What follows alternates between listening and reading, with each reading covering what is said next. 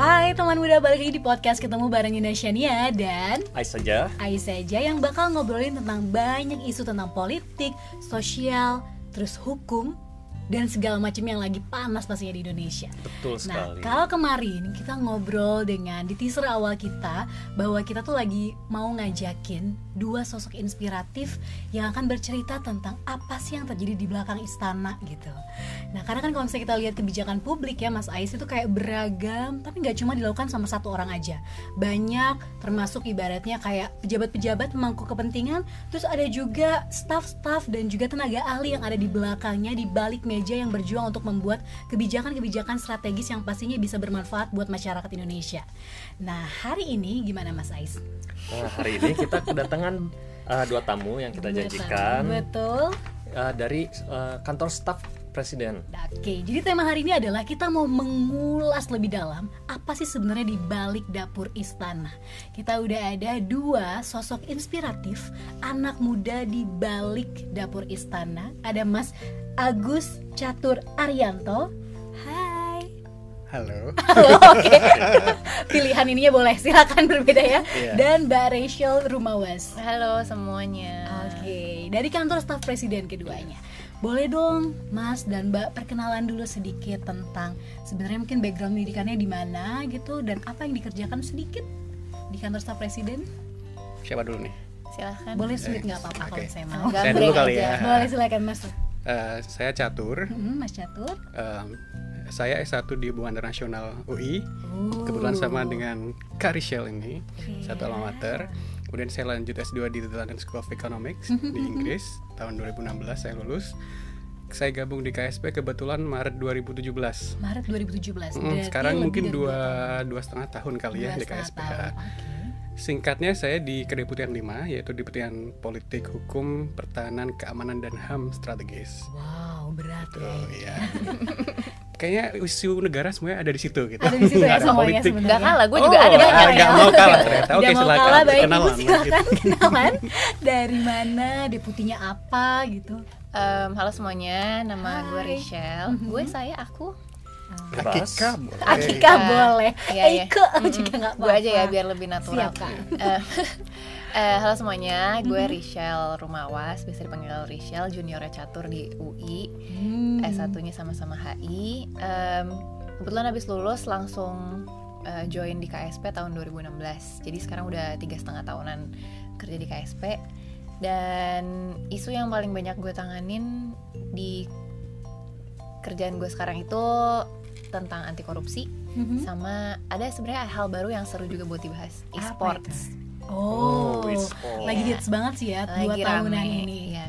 Em, itu sih dan Mhm. oh ya tadi belum nyebutin kedeputiannya tuh gue di kedeputian 2 bidang sosial ekologi dan budaya strategis Ah, berarti ini bidang yang kayaknya lebih deket gitu sama masyarakat ya. ya lebih ke Keseharian. grassrootsnya Grassrootsnya. Iya. Kalau Bapak berarti tadi bidang yang berat-beratnya gitu Iya ya. berat beratnya. Beratlah, ya. Kalau Mbak Rachel yang lebih grassrootsnya ya. Iya. Tapi sebenarnya semua kebijakan sama dong ya pentingnya. Sama penting. Nggak kalah penting. Oke, kalau misalnya ngobrolnya tentang kantor staf presiden, berarti kan ini adalah ibaratnya dapurnya bapak-bapak, Mm-mm. bapak presiden dan bapak wakil presiden untuk memformulasikan berbagai macam kebijakan. Nah, sebenarnya apa aja sih yang dilakukan di dalam ya? Mas Ais, betul. Mas Ais yang mau jawab atau gimana nih? Oh enggak, silakan. silakan. Boleh mungkin dari Mbak Rachel dulu cerita sedikit. Hmm, jadi basically KSP itu apa bisa dipahami sebagai em, dua hal satu mata dan telinganya presiden Mata dan telinga. Waduh. Ya dan yang kedua memang kita ngasih rekomendasi kebijakan buat presiden. Jadi kita selain kita nggak mikir sendiri gitu. Kita menjaring aspirasi dari masyarakat juga dari asosiasi dari kementerian eh, dan juga berbagai masukan lainnya kita formulasikan eh, dan kita kasih masukan ke presiden sebaiknya langkah apa yang diambil atau tidak diambil Oke. gitu dan semua keputusan balik lagi ada di presiden sebetulnya tapi kita berusaha ngasih analisis yang lebih komprehensif dari berbagai bidang karena Mhm. biasanya kalau kementerian kan dia akan ngeliat bidangnya sendiri Iya, gitu betul. tapi kalau KSP membantu analisis yang lebih holistik gitu Mengkolaborasikan tadi ya insight-insightnya. betul Mm. Kalau misalnya aspirasi sendiri ditampungnya biasanya seperti apa sih? Apakah ada audiensi misalnya dari berbagai stakeholders? macam-macam sih?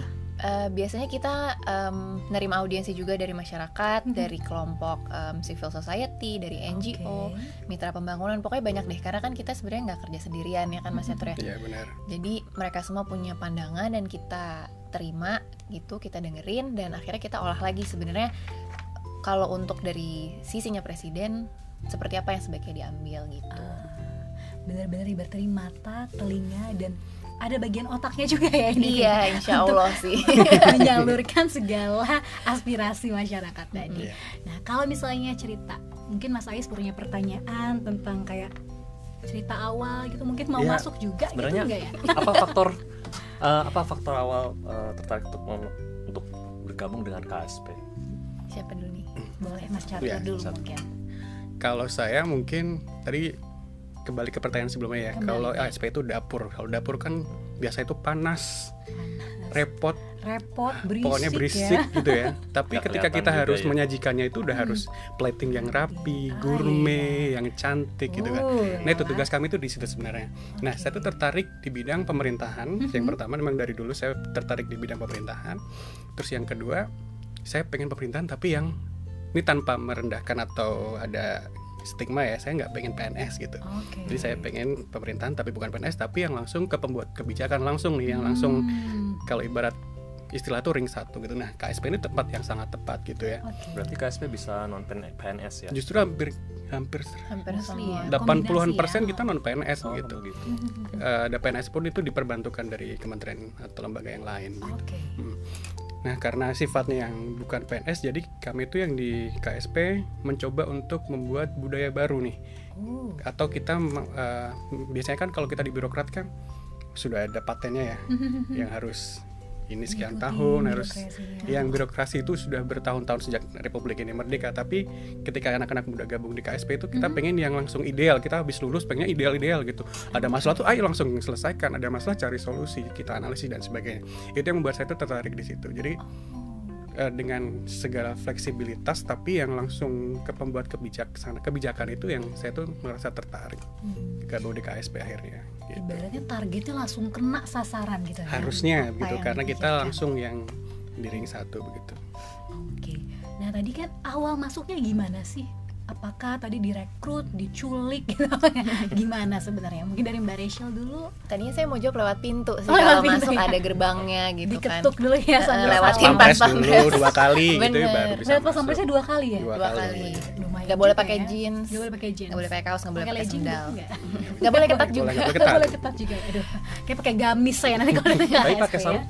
sarung boleh Sarung boleh. sarung Mau boleh kena semuanya ditanya Iya. ya kalau dulu ceritanya aku awal masuk eh, KSP Mhm. itu sebenarnya eh, pas itu awalnya aku magang.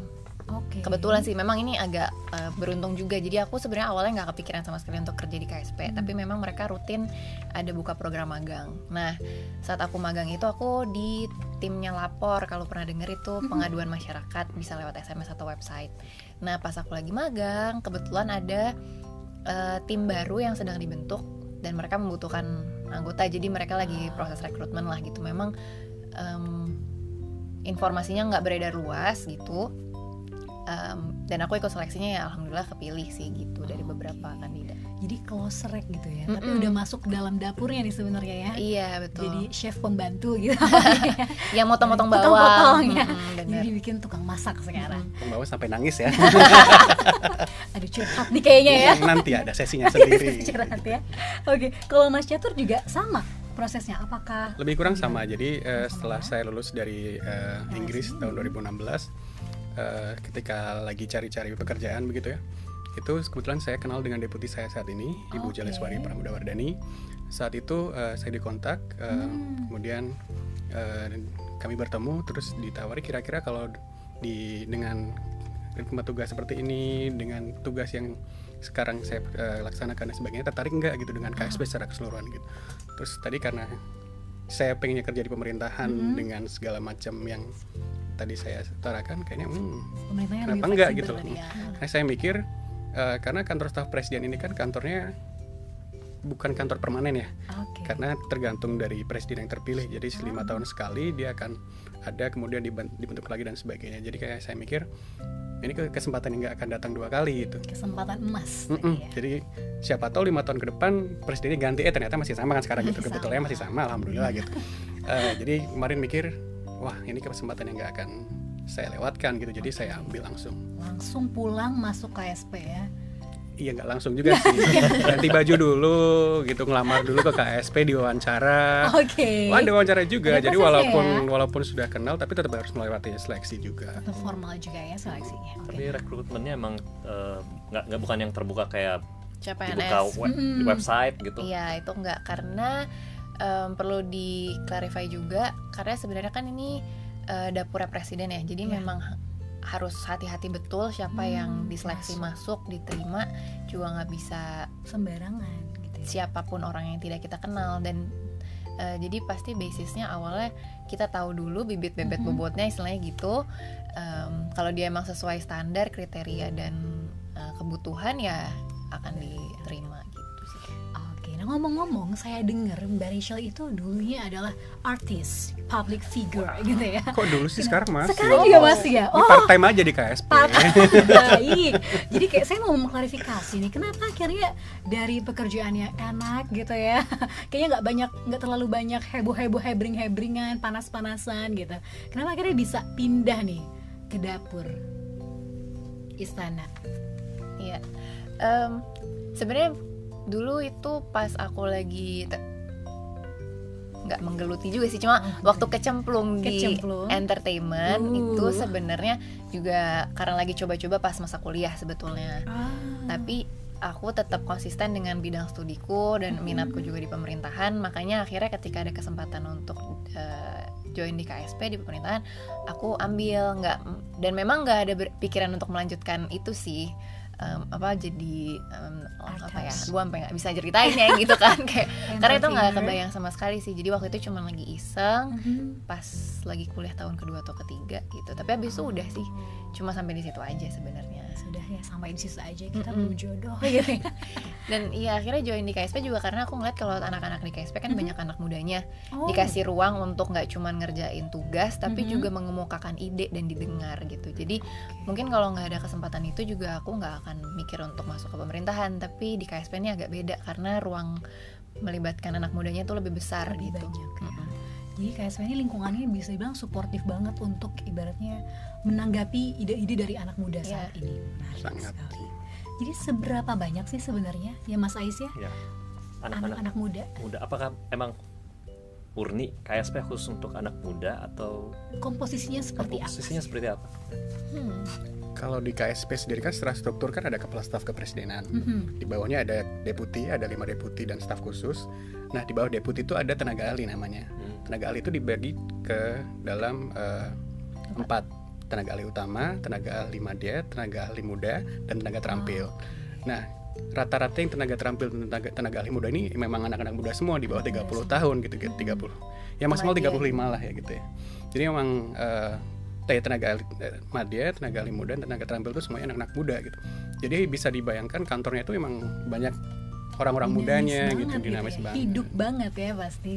ya lumayan lah. Jadi memang warnanya itu beda. Kalau biasanya pemerintah kan isinya kan mohon maaf ya bapak-bapak ibu-ibu yang sudah berumur yang levelnya sudah eh, level orang tua kita misal. Tapi di di kami itu justru kami berhadapan dengan mereka-mereka gitu satu satu meja. Karena di kami itu jangan bayangkan di KSP itu kubikal gitu ya enggak. Iya. jadi kami meja besar gitu duduk Oke. bareng-bareng gitu. Jadi kayak Jadi meja kayak rapat gitu. startup gitu ya Mas ya. ya kurang lebih kayak betul, gitu. betul.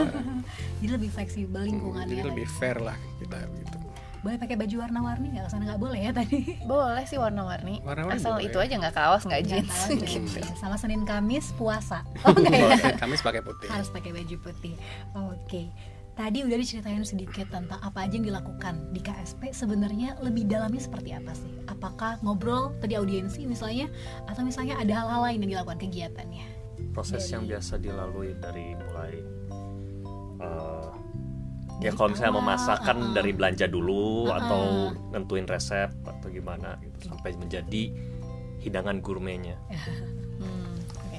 mungkin aku cerita sedikit ya Mas Catur jadi awalnya itu KSP dibentuk emang untuk mengawal janji-janji politiknya presiden saat kampanye. Jadi kan misalnya presiden kampanye nih dia bikin saya akan bikin A B C gitu. Tapi setelah itu siapa nih yang memastikan janji itu berjalan dan dipenuhi? Nah itu sebenarnya tugas utamanya KSP saat itu. Jadi janji dan visi misinya presiden diterjemahkan ke RPJMN jadi itu rencana pembangunan eh, yang sebenarnya digodok di Bapenas. Jadi kita bekerja bareng sama Bapenas untuk memastikan eh, visinya presiden masuk ke rencana pembangunan. Nah, setiap tiga bulan kita monitor nih em, pekerjaan-pekerjaan kementerian terkait. Jadi Hmm. program-program prioritas ini udah kita tentuin mana aja yang dimonitor sama KSP dan Bapenas.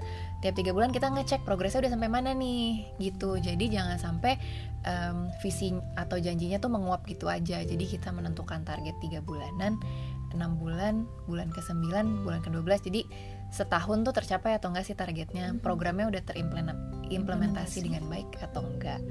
Nah itu satu untuk memastikan programnya terimplementasi. Kedua, kalau programnya belum mencapai target, KSP membantu kementerian tersebut untuk mengidentifikasi masalahnya di mana sih Oke.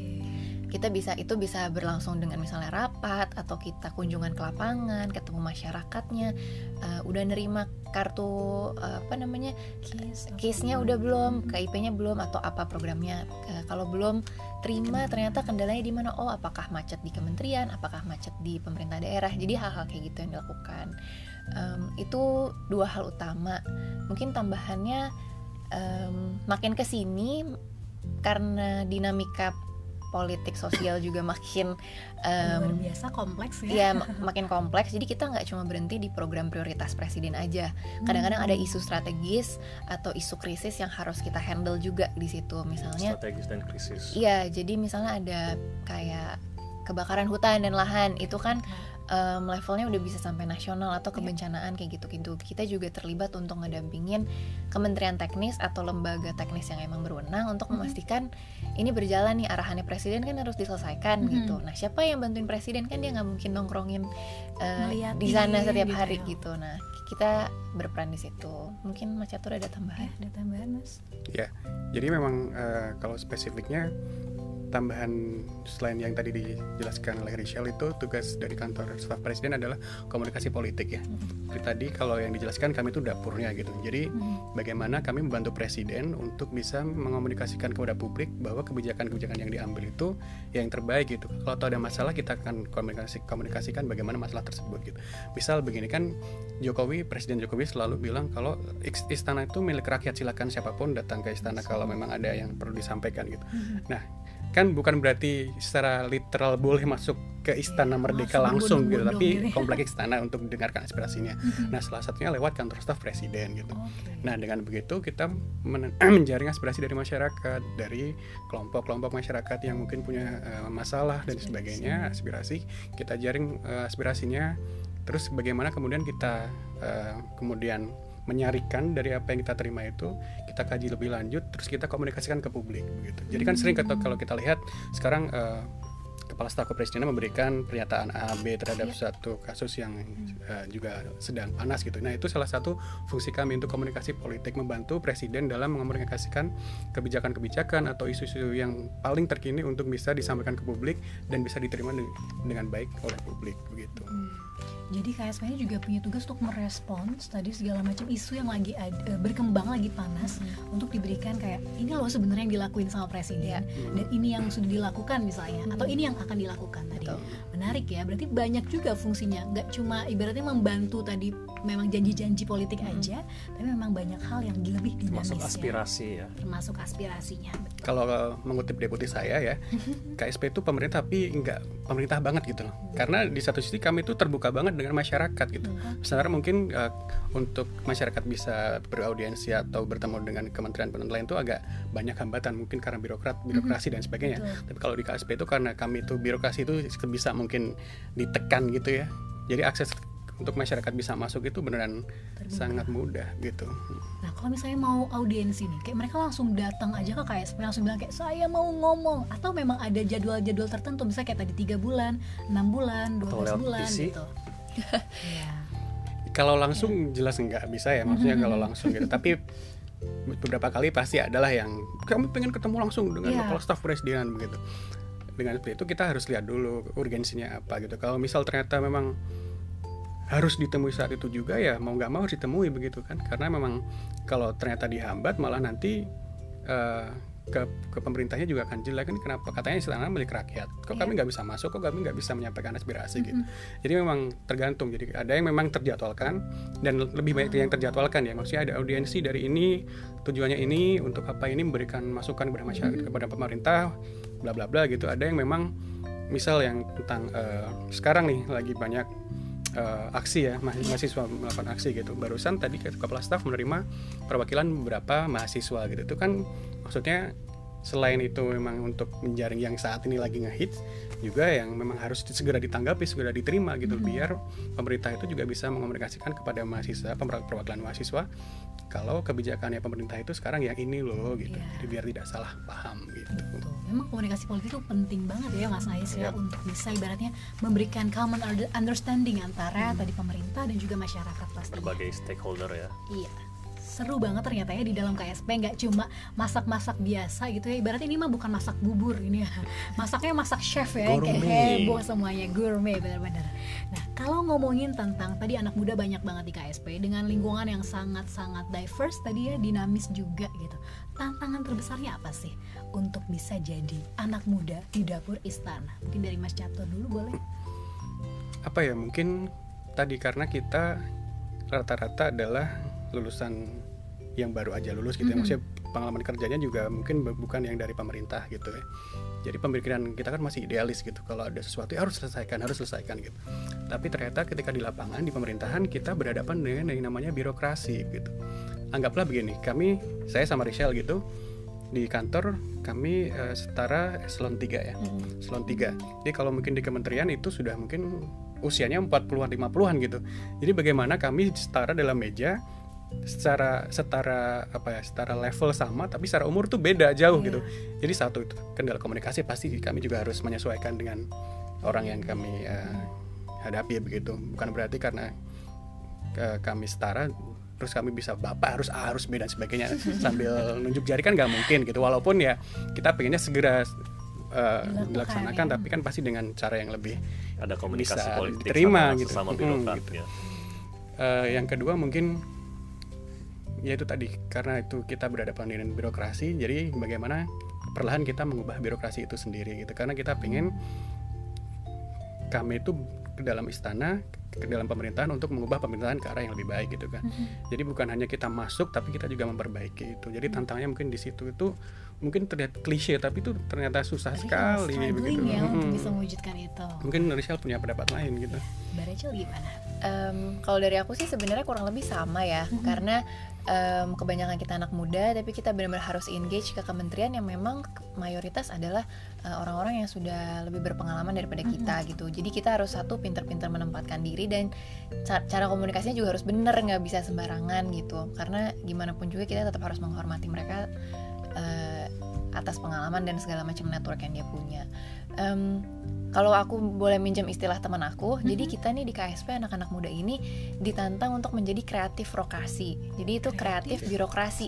Rokasi. Iya, Term jadi- baru ya ini. term kayaknya. baru sebenarnya eh, karena kita anak-anak muda ini kan selalu punya ide-ide segar ataupun kalau memang em, ide ini udah pernah muncul tapi kita nih ambisinya lebih besar gitu. Gimana Mhm. cara kita terpikir cara-cara baru untuk nembusi birokrasi yang udah ajak dan bertahun-tahun lamanya untuk mencapai goal kita gitu. Jadi kita harus eh, puter otak, em, cari jalur lain Mhm.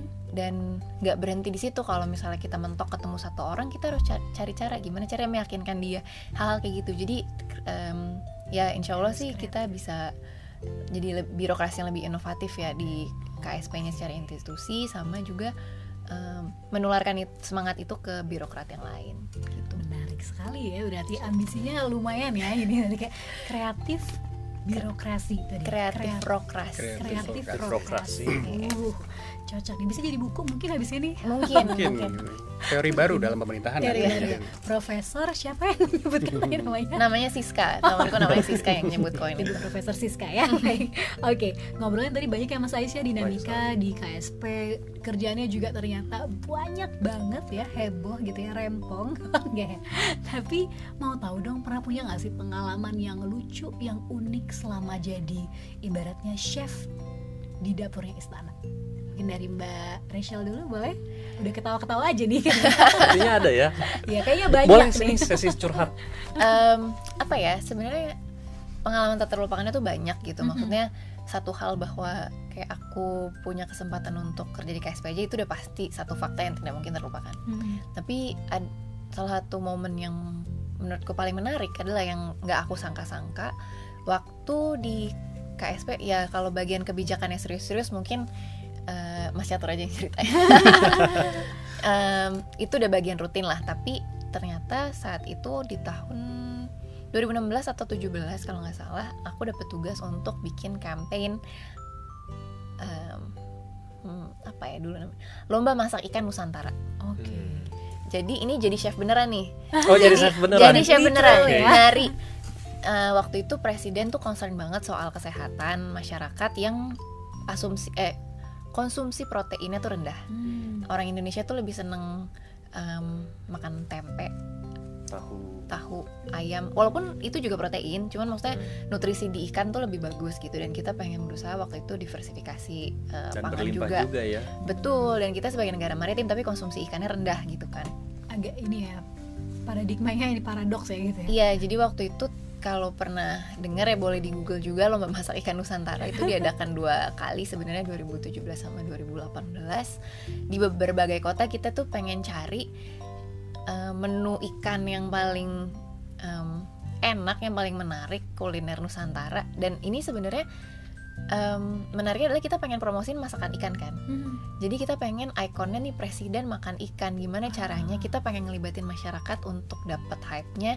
Jadi kita keliling di berbagai daerah cari home cook. Ya ini udah kayak master chef Master chef kita banget nyari ya. home cook yang emang eh, bisa deliver makanan untuk presiden. Dan Hmm. makanannya tuh ikan gitu. Karena sayangnya masyarakat kita cuma mak- kalaupun makan ikan makan ikan goreng atau ikan Iya, bakar betul. yang nutrisinya juga udah nggak tahu sisa tinggal berapa persen gitu Oh, iya. jadi waktu itu tujuannya lah kita cari juru masak rumahan yang bisa menyajikan hidangan ikan untuk presiden di istana gitu dan itu puncaknya di pekan kemerdekaan 17 Agustus. 17 Agustus. Mm-mm. Menarik banget ya. Iya. Masak ikan aja jadi campaign dari KSP tapi ternyata value di belakangnya yang menyinggung tentang kayak kurangnya protein di Protein, Indonesia ya.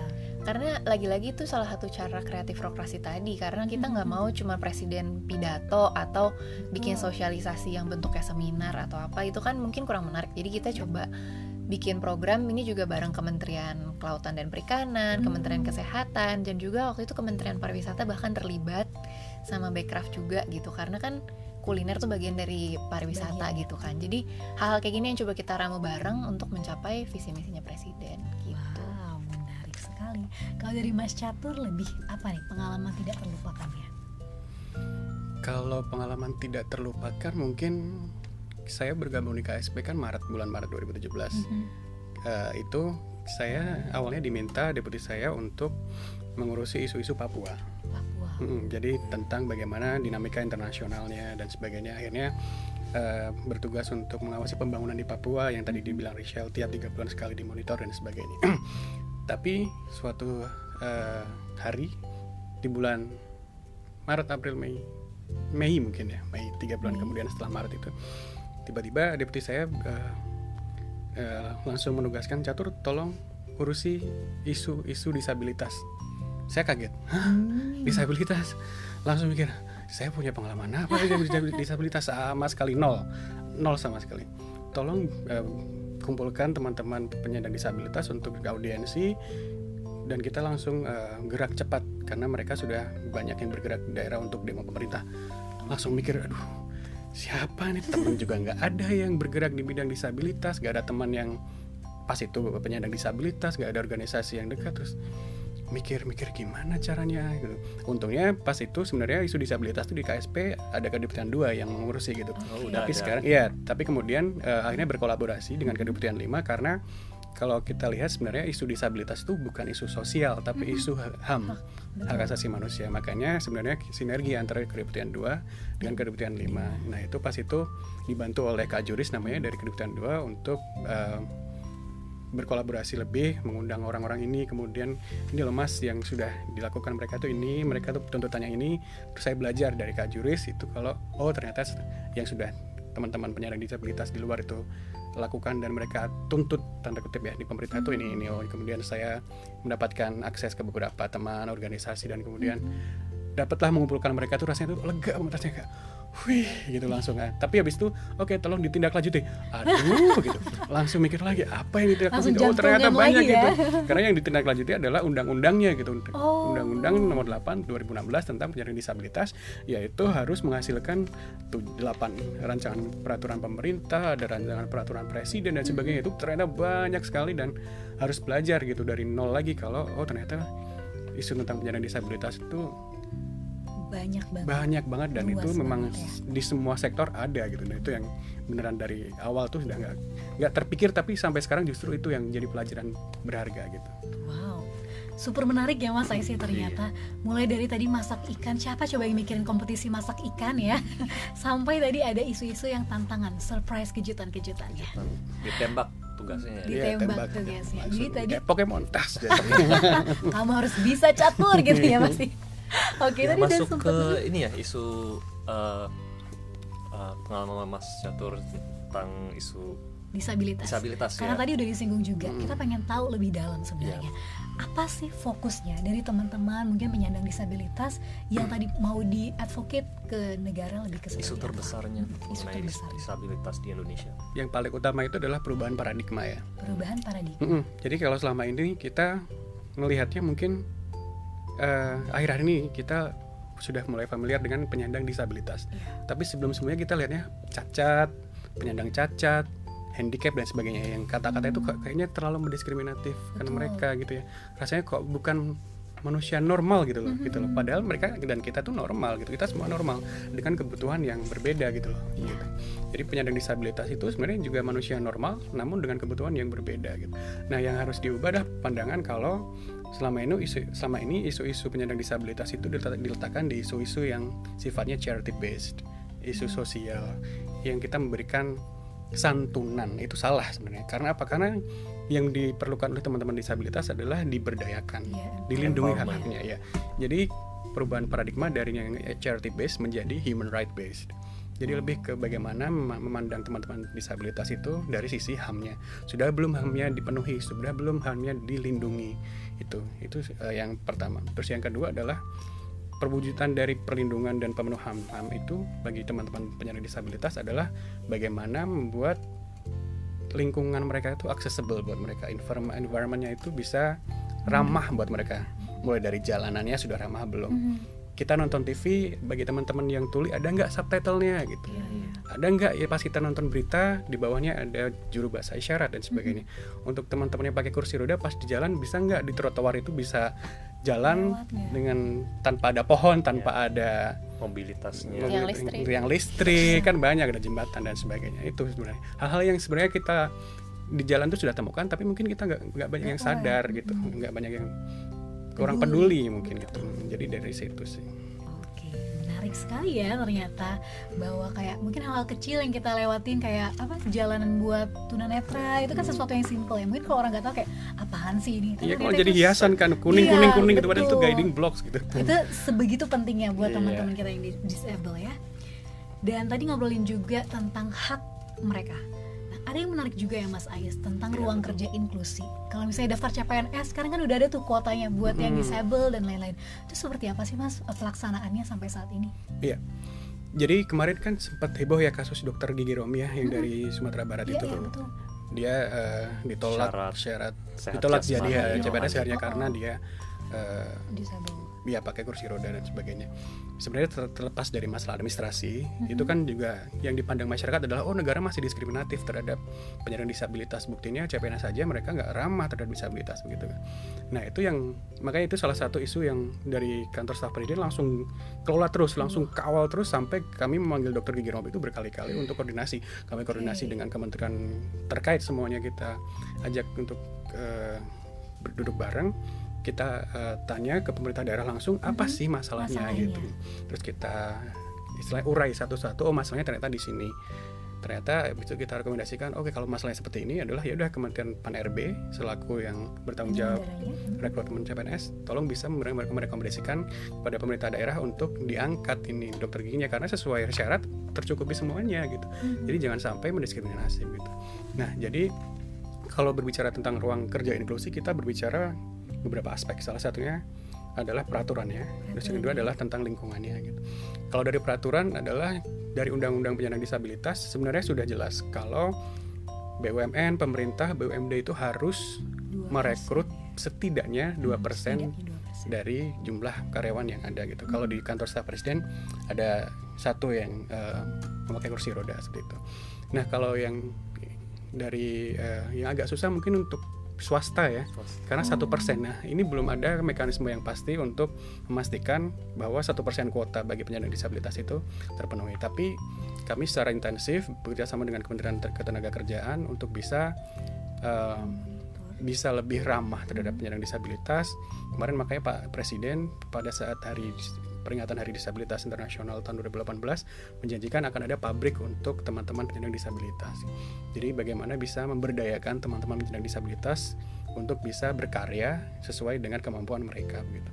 Nah, selain peraturan adalah yang kedua tadi eh, tentang lingkungan itu sendiri. Nah, kita kan nggak bisa selalu apa istilahnya menggantungkan kepada pemerintah gitu ya maksudnya Peraturan. peraturan peraturan seperti itu jadi bisa saja eh, kita kan banyak yang industri kreatif ada UKM UKM gitu ya jadi tergantung bagaimana lingkungan itu bisa memberdayakan masyarakat disabilitas itu sendiri apa tidak gitu Hmm. berawal dari mungkin keluarga apakah keluarga yang mempunyai eh, Anggota misal anak keluarga. anaknya mengalami eh, atau, atau penyandang disabilitas kan ada yang fisik, sensorik, mental dan sebagainya itu diterima dengan apa adanya atau justru dikekang gitu. Karena misal banyak yang orang tua yang ternyata maaf malu anaknya Ya. ternyata penyandang disabilitas akhirnya tidak diperbolehkan tidak diperbolehkan keluar akhirnya ya tidak bisa berkembang gitu tidak punya Jadi, skill gitu ini lingkungan paradigmanya ya Mm-mm, jadi bagaimana lingkungan terdekatnya itu keluarga mengekang keluarga sendiri untuk bisa berkembang. Nah itu bagaimana kemudian eh, dari keluarga itu bisa ber- Peran. berperan dalam membuka diri ke lingkungan. Nah lingkungan kan pasti juga akan menyesuaikan nanti kalau misal ternyata ada kebutuhan dari penyandang disabilitas untuk mereka berkembang gitu. Itu sih menurut saya. Oke, menarik sekali ternyata ya tentang isu disabilitas juga banyak dinamikanya dari keluarga. Mungkin pemerintah udah mencoba untuk open, mengakomodasi, tapi dari lingkungannya tadi mungkin belum bisa benar-benar fully menerima gitu ya. Oke, kalau misalnya apa sih Mas menurut Mas Catur yang bisa dilakukan sama anak muda kayak kita terkait isu disabilitas? Yang pertama satu kita harus peduli. Peduli. Kita harus peduli bahwa kita semua itu memiliki kebutuhan masing-masing gitu. Mhm. Kalau saya mengutip perkataan teman saya Surya saya tapi masalah menjadi penyandang disabilitas ini adalah masalah waktu. Jadi semua orang itu akan menjadi penyandang disabilitas. Oh. Kita menua pun nanti akan berkurang kemampuan kita Iya. jalan, kemampuan kita berpikir, kemampuan kita menggunakan alat-alat tubuh kita dan sebagainya. Jadi masalah waktu saja gitu. Jadi semua orang itu akan menjadi penyandang disabilitas pada akhirnya. Nah, yang kita perlu lakukan adalah peduli bahwa kebutuhan yang berbeda-beda itu ada di sekitar kita dan kita perlu memberikan mereka hak mereka begitu. Dari yang simpel tadi lah, misal eh, kita memberikan hak bagi yang tunanetra untuk berjalan dengan layak di trotoar.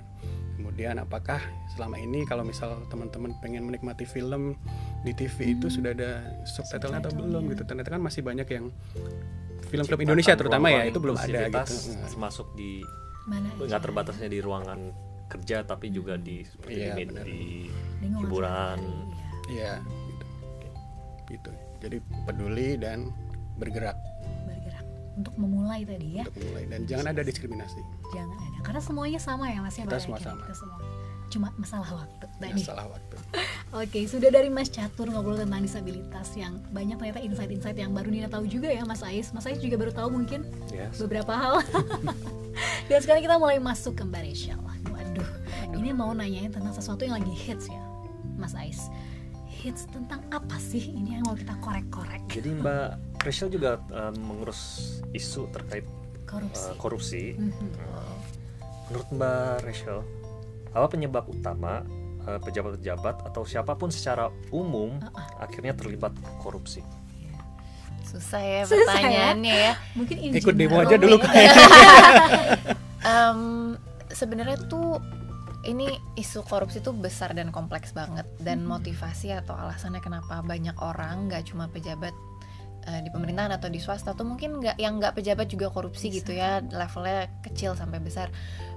Hmm, kalau menurutku pribadi lebih kepada ignorance mereka aja maksudnya dan to some extent ada greedy-nya Hmm. ada ketamakan di situ. Tapi kadang-kadang orang yang melakukan ini itu emang sengaja nggak sengaja gitu loh. Kayak ah udahlah gampang maksudnya ah ini bisa diurus maksudnya mengecilkan hal ini gitu bahwa di situ Mhm. ada hak-hak orang lain hak-hak yang mungkin tidak berupa individu ya tapi berupa hak em, anggaran untuk pembangunan atau hal-hal lain yang bisa bermanfaat untuk orang lain gitu Mhm.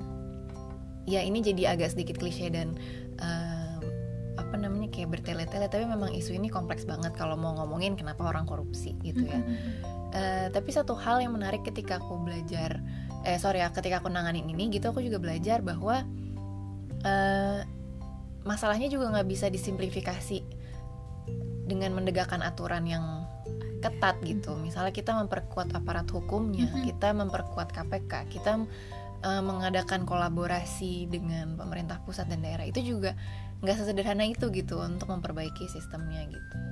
Yang kemarin aku coba aku dan tim lakukan di KSP itu salah satu em, strategi baru untuk menangani pencegahan korupsi. Karena kalau korupsi ini kan aspeknya ada banyak sebenarnya. Iya. ada yang peni- pencegahan itu di sisi kebijakannya atau sistematika pemerintahan dan lain-lain. Ada juga yang penindakan itu yang udah terjadi yang udah terjadi di em, apa ya penyidikan pen- dan segala macamnya sampai penangkapan sampai akhirnya dijatuhi hukuman gitu ya. Kalau di sisi pencegahan sendiri, ini yang menarik adalah dulu KPK Mhm. jalan sendiri soal pencegahan, mereka bikin aturan, mereka bikin rekomendasi yang harus dijalankan sama kementerian terkait, sama pemerintah daerah yang mereka bantu gitu ya. Ya. Em, tapi sayangnya ini dulu tuh tidak berjalan sesuai siklus anggaran. Oh. Lagi-lagi kita harus memperhatikan bahwa pemerintah ini tuh ada birokrasinya, Mhm. mereka ada siklus kerjanya. Setiap tahun mereka udah punya anggaran, mereka udah mencanangkan program. Kadang-kadang eh, rekomendasi KPK untuk perbaikan sesuatu itu harus saat itu juga. Kadang-kadang mereka juga kurang aware bahwa ini udah ada siklus anggaran yang berjalan dan kalau diga gimana ya serba salah gitu kementerian untuk tidak melaksanakan suatu program Mhm. atau mengalihkan ke program lain gitu kan harus ada yang dipertanggungjawabkan. Iya. Nah, akhirnya di tahun 2018 kemarin em, Presiden Jokowi itu tanda tangan Perpres Strategi Nasional Pencegahan Korupsi. Strategi ini isinya kolaborasi antara KPK dan pemerintah di bidang pencegahan. Ini sebelumnya belum pernah ada karena tadi KPK jalan sendiri, pemerintah jalan sendiri. Di pemerintahan sendiri yang terlibat ini ada Kementerian Dalam Negeri, Kementerian Pan RB, KSP, dan satu lagi Kemen eh, apa yang belum aku sebut? Oh, satu lagi KPK itu sendiri. Oke. Jadi ada empat. Sorry, kayak gue kurang deh kementerian apa ya? Kementerian Dalam Negeri, ya? Pan RB, hukum am enggak enggak. Satu, dua, tiga, empat. Kemdagri, Kemenpan, KSP, KPK KPK. Kok cuma empat ya? Mungkin habis ini kita kasih kuis buat Iya. buat teman muda Sorry, untuk sorry, sorry. menjawab satu lagi apa ya? Eh, boleh dicek peraturan presidennya nomor 52 tahun 2018. Ya, Oke. intinya ini si Mhm. pemerintah nih kolaborasi dengan KPK. Jadi supaya programnya tuh sinergi. Hmm. Kadang-kadang yang bingung pemerintah kayak misalnya Bappenas sama Kemdagri punya program sendiri untuk pencegahan korupsi. Mhm. KPK juga punya. Akhirnya yang ribet sendiri adalah kementerian lain yang harus menjalankan programnya pemerintah daerah juga yang harus menjalankan programnya mereka harus lapor ke pintu yang berbeda-beda. Mana? ya bingung ya akhirnya mereka jadi terbebani sendiri dan programnya juga nggak terdeliver secara efektif. Nah ini tuh model kerja baru gitu. Pemerintah kolaborasi sama KPK di bidang pencegahan. Dan ini sudah berjalan? Sudah berjalan setahun dan lagi dievaluasi sama kita melibatkan partisipasi masyarakat juga lewat uh, CSO kayak misalnya Transparency Nasional atau Oke. ke Indonesia Corruption Watch kayak gitu-gitu jadi mereka kita libatin Kit- mereka yang di pihak luar yang tidak menjalankan programnya mengevaluasi sebenarnya udah ada perubahan seperti apa sih gitu biar ada check and balance-nya gitu Betul. ya. Oke, ternyata isu korupsi juga menarik ya di bawahnya nggak cuma ibaratnya memberantas langsung menggerebek iya yang ini aja tapi Iya, pencegahan juga jadi salah satu fokus utamanya. betul justru malah itu yang orang suka lupa. Karena orang taunya yang di media kan pemberitaan ditangkap segala macam. Iya, padahal sebenarnya di balik itu dan orang juga kadang nanya kenapa kok katanya ada strategi baru tapi yang ditangkap makin banyak loh? Mhm. justru kan ketika kita mulai pencegah ketika kita mulai pencegahannya lebih diperkuat kolaborasinya juga eh, lebih bersinergi. Bersinergi gitu ya nggak jalan sendiri sendiri ya justru hal-hal ini yang akhirnya berdampak gitu mungkin Mhm. akhirnya lebih banyak yang terungkap atau karena sistemnya dibenahi jadi ada orang-orang yang akhirnya nggak bisa sadar ya nggak bisa melakukan eh, apa ya agenda-agenda pribadinya dia gitu Atau misalnya sama temennya ternyata dilaporin sendiri Iya, Bisa jadi- jadi kan karena udah jadi tahu berani udah untuk di whistleblower ya? Mhm. Iya bisa jadi seperti itu Oke. Nah kalau misalnya dari korupsi sendiri, karena tadi kan nggak cuma tentang pejabat aja, tapi dari hal-hal terkecil aja itu kita bisa ngelakuin gitu ya. Saya ngambil apa gitu, sumbangan apa yang tiba-tiba gitu. Menurut Mbak Rachel sendiri, apa sih yang bisa dilakukan anak muda kayak kita untuk bisa turut mencegah atau misalnya memberantas dari korupsi ini? Hmm, sebenarnya nggak harus untuk kita terlibat memberantas korupsi itu harus kayak selalu demo Iya. atau terlibat ke kelompok-kelompok yang memang memperjuangkan eh, anti korupsi gitu ya. Di- Dimulai dari diri sendiri dulu aja untuk bersikap jujur gitu kan. Maksudku hal-hal yang kadang kita tuh take it for granted sama kayak isu disabilitas tadi gitu. Mungkin Hmm. kita em, nggak peduli keberadaan orang lain dan kita nggak tahu orang lain punya kebutuhan apa gitu kan dan akhirnya kita jalanin program ya business as usual aja sebagai tanda petik em, apa namanya manusia normal gitu Iya. padahal kan semua orang normal betul kan Mas. Yatur nah kalau misalnya di isu korupsi sendiri buat anak muda em, susah ya maksudku gue jadi bingung sendiri Em, kalau buat anak muda sendiri yang bisa dilakukan untuk setidaknya mencegah korupsi adalah dimulai dari diri sendiri itu tadi jadi ketika ada lingkungan yang menurut kita kurang sehat Mhm. jangan takut untuk eh, raise isu itu. Ke pihak yang berwenang ataupun setidaknya ke atasan kita atau ke siapa pun yang kita percaya. Paling enggak jangan Diem. jangan diam, Mhm. jangan biarin orang lain tuh em, melakukan hal yang tidak seharusnya itu sih gitu. Dan jangan juga takut untuk berjuang karena nggak akan sendirian Hmm. gitu. Karena kan udah ada kanal-kanal untuk melaporkan ke Iya. KPK sendiri atau ke em, ke kepolisian dan sebagainya macam. Jadi menurut gue jangan takut untuk bersuara karena sebenarnya em, kita harus gerak bareng-bareng untuk mencegah korupsi di lingkungan kita sendiri gitu sih. Baik lagi hampir sama ya tadi, lebih Mhm. peduli sama lingkungan sekitar Betul. kita. Jangan ketika ada orang yang mau ngambil Mhm. itu terus kita diem aja walaupun dilumrahkan gitu. iya jangan kayak ah ya udahlah gitu atau kita tutup mata aja deh jangan cari masalah gitu menurutku di situ yang salah gitu paling nggak kita melaporkan apa yang kita tahu karena kan nanti ada pihak berwenang yang akan tindak lanjut gitu sih Oke, terima kasih Mbak Ya, Rachel. terima kasih banyak Nah, sebelum kita tutup, udah banyak banget yang kita dapetin hari ini. Mungkin boleh dong harapannya untuk anak muda kayak kita ke depannya. Mungkin dari Mas Catur dulu boleh. harapan ya Harapan. saya juga berharap sih sama diri saya sendiri sebenarnya gitu ya mungkin kita bisa aminkan aja di sini. nggak intinya kalau ini konteksnya kan kita ber- kami berdua adalah kebetulan kami bekerja di pemerintahan gitu ya Mhm. jadi harapannya adalah buat teman-teman semua gitu Iya. jangan ragu untuk bergabung dengan pemerintahan kalau misal punya minat untuk bergabung di pemerintahan Mhm. gitu ya ada tantangan pasti ada di mana pun kita bekerja berkarya pasti ada tantangan gitu ya seperti yang kami tadi bilang birokrasi itu ternyata masih susah untuk kami Iya. hadapi yaitu yaitu namanya pemerintah pasti akan Mhm. sepaket dengan birokrasi gitu jadi harapannya ya eh, kalau misal pengen bergabung dengan pemerintahan silahkan bergabung dan harus dengan sepenuh hati dengan integritas yang tinggi jangan sampai korupsi. Harus peduli harus punya kreasi harus berinovasi harus harus menjadi kreatif. Kreator. Kreator kreasi kreatif rokrasi eh, kreatif vokrasi nah itu. Jadi jangan jangan takut mencoba kalau memang pengen bekerja di pemerintah. Terus bagi teman-teman yang pengen bekerja di tempat lain berkarya di tempat lain ya silahkan berkarya dengan hati berkarya dengan integritas juga. Dan ingat kalau sebaik-baik manusia itu yang berbaik bermanfaat bagi orang lain itu aja Oke, terima kasih Mas Catur. Kalau dari Mbak Rachel, apa ya pikir dulu harapannya mungkin Hmm. Anda bisa menjadi artis loh. gitu. oh ya Eh, kalau aku harapannya sih gini em, kontribusi buat Indonesia itu nggak cuma dari sisi pemerintahan nggak harus selalu bergabung ke politik atau Mhm. ke sosial atau ke mana pun yang penting karena kita tuh kita tuh butuh gitu desainer desainer bagus kita butuh juru masak yang keren supaya kuliner kita lebih terkenal. Kayak bayangin siapa sih yang nggak nggak suka sushi gitu di Indonesia? Iya. hal-hal sederhana kayak gitu. Maksudnya kita juga harus bisa gitu promosiin apa yang kita punya tuh di luar negeri. Kita harus punya talent talent yang bagus di berbagai bidang yang punya daya saing nggak kalah sama negara-negara barat gitu. Jangan sampai orang kita cuma mengidolakan orang luar tapi nggak kenal siapa sih sebenarnya Diri kita sendiri.